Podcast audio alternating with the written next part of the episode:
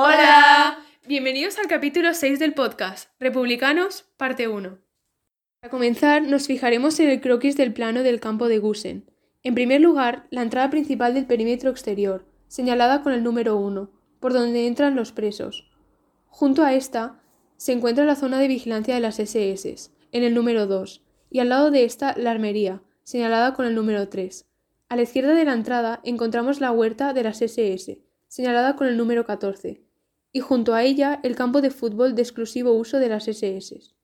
La subida a la mina, señalada con el número 4, es una construcción hecha por españoles. Al final de ella, la mina cantera, señalada con el número 5.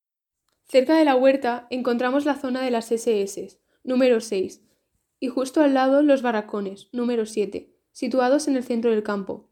Junto a ellos había más barracones que en un futuro se convertirían en fosas comunes, número 8, 9 y 17. Anexos a los barracones se encontraban los talleres de carpintería, herrería, etc. Número 10.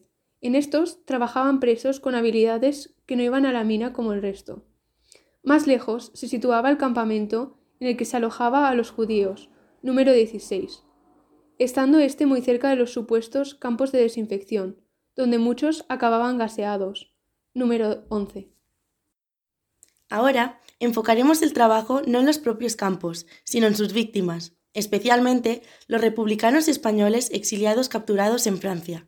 Contaremos la historia de su huida, de su deportación, de su encarcelamiento.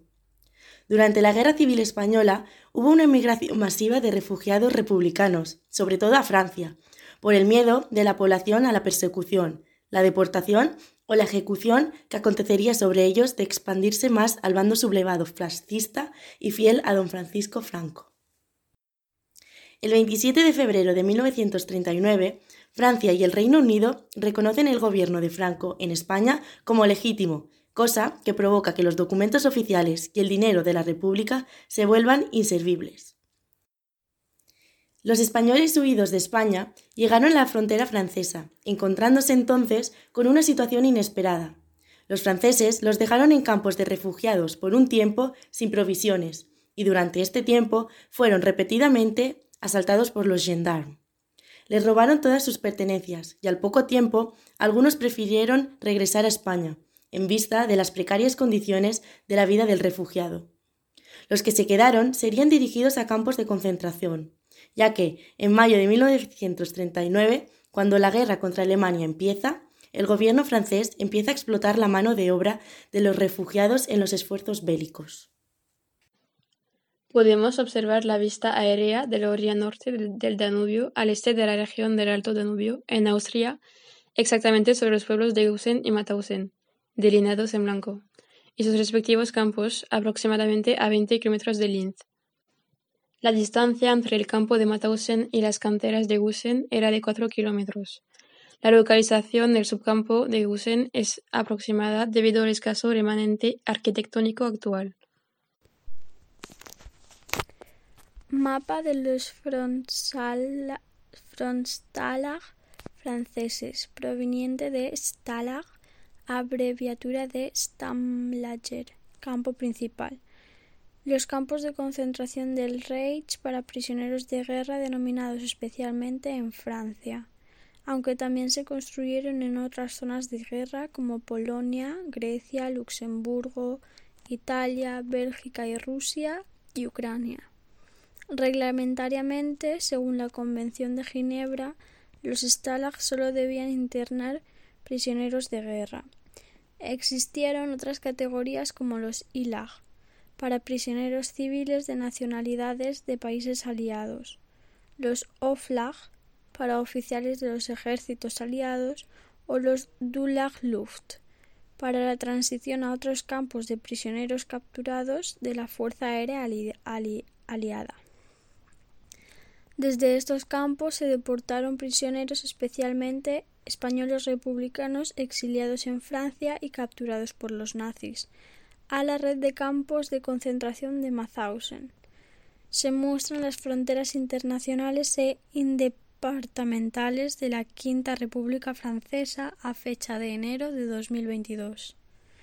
Véase el hecho de que la localización de los Frontstalag coincide con la zona ocupada por el Reich entre 1940 y 1944 tras la Batalla de Francia y la creación del régimen de Vichy, hasta la liberación de Francia. La lista de las instalaciones proviene de la lista oficial de prisioneros de guerra franceses, de acuerdo a información proporcionada por la autoridad militar extraída de la Biblioteca Nacional Francesa. Los campos se han anotado ordenándose según su número de serie, el cual también era el nombre por el que se le conocía a Fronstalag 152, por ejemplo.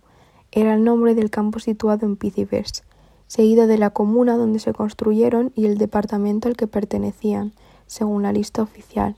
Se han añadido notas entre paréntesis para aclarar aspectos como cambios de nombre o cambios en la organización territorial de Francia, indicándose entre paréntesis la realidad actual.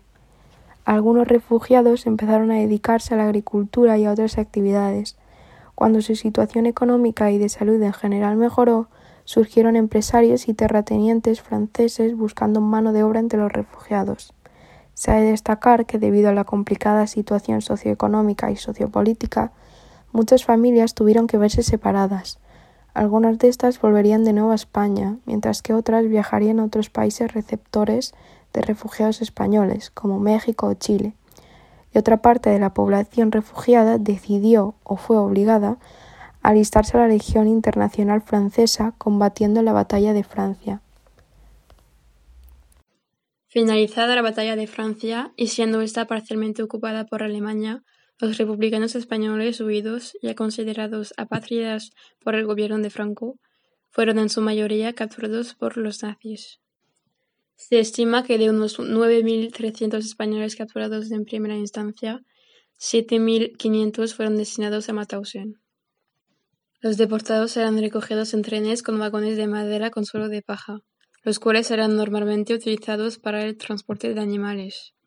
En sus puertas, la descripción escrita en francés decía cuarenta hombres, ocho caballos.